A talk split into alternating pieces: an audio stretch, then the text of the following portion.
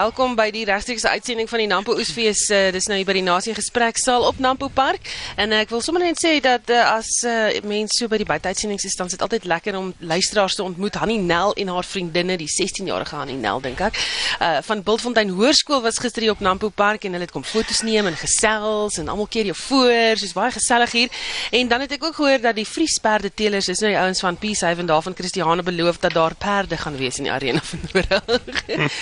en uh, dan sien ek dit raak ook al hoe kouer in die oggende hier want die man se broeke raak al korter. Ehm um, dis so interessant om te sien almal wat hier instap en dis ek is met 'n serp en alles hier aan en hulle hulle kry en hulle kry nie koud nie. Die foto's van alles en nog wat wat hier gebeur is op ons Monitor Spectrum Facebook bladsy en op Twitter uh, by Monspec 1, maar Lenay hou op hoogte op sosiale media plot, platforms van alles wat hier gebeur. So gaan kyk bietjie daar. Dan uh, baie plattelandse dorpies het hulle bestaan te danke aan die landboubedrywighede in die gebied. Maar wat is die landbousektor se verantwoordelikheid om te verseker dat die ekonomie in die dorpe bly groei. Ons praat met die hoof van ekonomiese en of ekonomie en handel by Agri SA, Dr. Riquer White en Theo Venter, politieke en beleidsontleder van die Noordwes Sakeskool. Julle twee is baie vroeg al hier. Eerste koppie koffie is agter die blad. Sê vir my, wat is landbou se verantwoordelikheid ten opsigte van die dorpies wat die sektor letterlik help bou het? Riquer, kom ons begin by jou. Ek dink saam met die tendens van verstedeliking en waar dorpies ont begin het, ehm um, is landbou se rol deel landbou deel van die van die oplossing om saam met die ehm um, plaaslike munisipaliteit saam te werk. Ek dink investering in die dorp uh om besigheidsaktiwiteite te stimuleer is definitief deel van landbou ehm um, so se rol in die, in die in die omgewing. Ehm um, veral as jy kyk hoe belangrik die dorp ook is vir boere in daai omliggende omgewing en hoe hoe dit al vir ekosisteem vorm. So dis definitief hulle is van mekaar afhanklik en die boere kan nie sonder die dorpe klaarkom nie. En is dit net op 'n landbouvlak? Jy weet met landbou net op landbou half ingryp jy. Kyk, die die probleem is baie kompleks. Ehm um, een van die groot veranderings in die Suid-Afrikaanse stelsel na 1994 was dat elke sentimeter grond is aan een of ander plaaslike regering toegewys met een of ander funksie.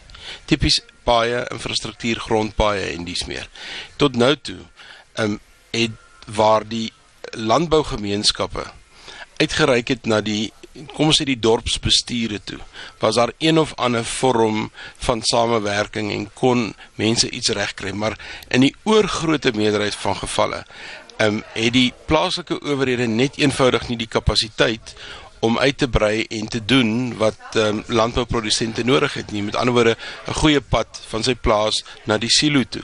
En ek sien al hoe meer dat landbougroepe landbougemeenskappe ehm um, daai rol daai vakuum eintlik begin toemaak want ehm um, landbouprodusente betaal ook belasting. En as jy belasting betaal, moet jy een of ander diens kry, maar op die oomblik is daar baie min.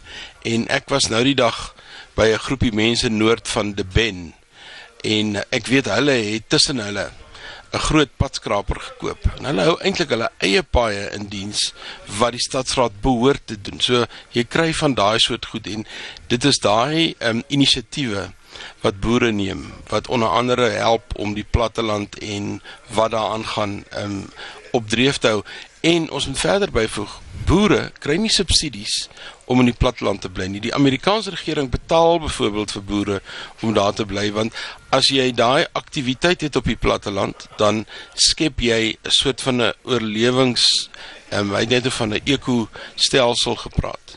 En ons doen dit eintlik in Suid-Afrika heeltemal vrywillig. So so iets help require om om byvoorbeeld 'n subsidie te gee. Ek dink as jy gaan kyk na die, die uh, ondersteuning vir landbou in Suid-Afrika soos dit gesê het is relatief laag in vergelyking met die res van die wêreld. So ek dink dit is iets waarna gekyk moet word en ook meer op 'n nasionale strategie. Ehm um, hoe hoe kan ons dorpe stimuleer? Want ek dink die dit dit raak die infrastruktuur is die groot ding. Wat het dorpe nodig? Daar's een of ander ekonomiese engine nodig en om dit te laat hardloop het jy investering nodig maar om investering aan te lok het jy die infrastruktuur nodig in die die fasiliteite So so wat moet landbou dan doen om ekonomie te help groei? Gaan ons almal nou moet saamspan in 'n in 'n trekker koop?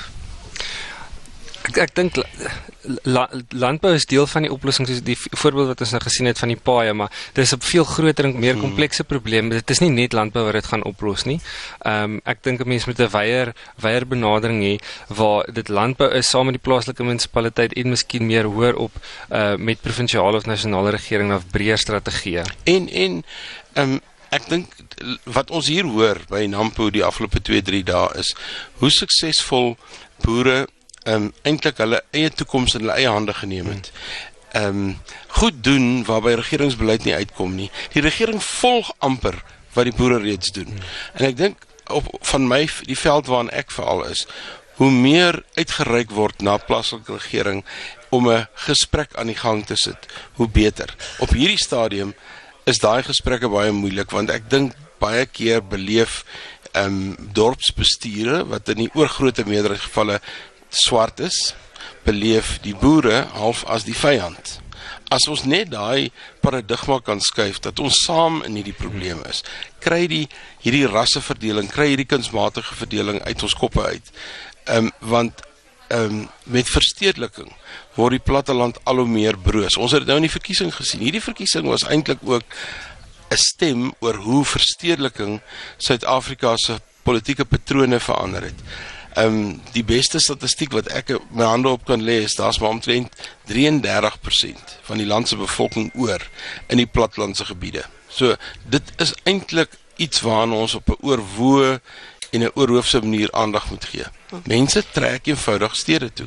Net so laaste vraag vir ons uh, moet aangaan iets anders. Ehm um, maar wat ons praat nou van die landbougemeenskap en ons praat van boere, maar wat van die res van die dorp? Wat is die res van die dorp se verantwoordelikheid ten opsigte van die groei van 'n ekonomie van so 'n dorpie? Theo Wel, die die res van die dorp is die bakker. Dis die dis die dis die uh Shoprite, die Checkers, die die Dekkie Town, elke plek wat in die dorpie is en en en ehm um, ek dink daar's 'n verantwoordelikheid ook van die koöperatiewe wêreld se kant af om daai segmente want die vraag is wanneer is 'n dorp 'n dorp? Wat so goed moet op hierdie dorpies wees om hom 'n dorp te noem? En net en nie net slaapplek nie. So dis hoekom ek sê hierdie ding moet eintlik op 'n nasionale vlak aangespreek word oor hoe kan ons dorpies vol um, op die oomblik word die meeste dorpies gebruik as 'n plek waar mense jou SASSA geld gaan haal. En dan partykeer anekdoties, dan loop jy uit die dorp en dan jy al jou SASSA geld op iets gebruik of misbruik. Dit is sosiale elende. So ek dink daai gedeelte oor wat maak 'n dorpie en die boere kan 'n groot rol speel oor wat maak 'n dorp en hoe kan dit volhoubaar gedoen word. Trikwe? Ek dink dit gaan ook oor teenoor van van geld spandeer. Ek dink pla, om plaaslike besteding om daai ons het gepraat van daai ekonomiese engine om om in binne jou gemeenskap te probeer uh besigheid doen. Want ek dink baie ouens het byvoorbeeld hulle stuur hulle kinders na skole in groter dorpe. Dan gaan gaan hulle daarna daai kinders gaan haal hulle gaan doen hulle inkopies daar. So dis sulke klein tipe van goed van hoe kan jy meer in jou plaaslike gemeenskap betrokke raak en daar so deel doen om daar te spandeer en daai ekonomie te probeer stimuleer? Baie dankie julle. Eh, dit was eh, Dr. Riquer White van Agri SA en Theo Venter politieke en beleidsspesialis by die Noordwes Besigheidsskool Ekskuus tog die gesprek word 'n bietjie later verder gevoer hierso by Nasie Gesprek saal op Nampo Park. Nou te midde van die kwessies oor grondhervorming en droogte en die krisis met waterskaarste wat al duideliker word in die landbousektor, is daar ook al meer vrae oor die kwaliteit van produkte wat die land produseer. Die kwessie van back and close hier is reeds deur Agri SA bespreek gisteroggend op Monitor en ons praat later vandag weer oor die uitbreek van varkpes, maar by ons vanoggend is die bestuurder graan navorsing en beleid by Graan SA Dr. Marinda Visser. Kom ons praat 'n bietjie oor ons gewasse. Hoe lyk ons gewasse? Hoe gesond is dit? As ons kyk na die somergraanproduksie areas, ons gewasse, ons het 'n paar probleme met 'n paar plantsiektes en dit hang maar af van die die klimaat ook. Een van die grootstes en vernaamstes waarmee soja en sonneblomboere deesdae sukkel is Sclerotinia en dis 'n patogeen, 'n swam en dit uh, veroorsaak verskriklike verliese in terme van opbrengste. En ons het tans 'n Sclerotinia netwerk begin vir Suid-Afrika Dit word gelei deur Universiteit van Vrystaat en later vanmiddag het ons 'n groot gesprek met baie van ons produsente om vernaamste kwessies rondom hierdie probleem aan te spreek. Hoe werk die stelsels om ons gewasse veilig te hou hoe, en gesond te hou en seker te maak dat ons uitvoer gewas gesond eh, sonder enige peste en pla is? Die departement landbou, nasionale departement sit elke jaar onder die landbouprodukte standaarde wet sekere riglyne uit vir al die graan, somergrane, wintergrane in terme van gehalte en kwaliteit en as grane ingeneem word by silo's word dit volgens daai riglyne, graderingsriglyne ingeneem en dit moet voldoen aan dit. Sou dit nie word dit afgekeur en dan is daar ook binne industrie die nasionale laboratorium, die graanlaboratorium waar toetse geneem word elke jaar op elke gewas wat deur die stelsels gaan.